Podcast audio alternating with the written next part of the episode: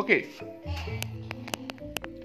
Jadi uh, hari ini saya membaca sebuah buku berjudul Harry Potter dan Tawa Azkaban. Saya coba akan membacakan beberapa tulisan uh, yang ada di sana. Semoga bisa mendengarkan. Dah.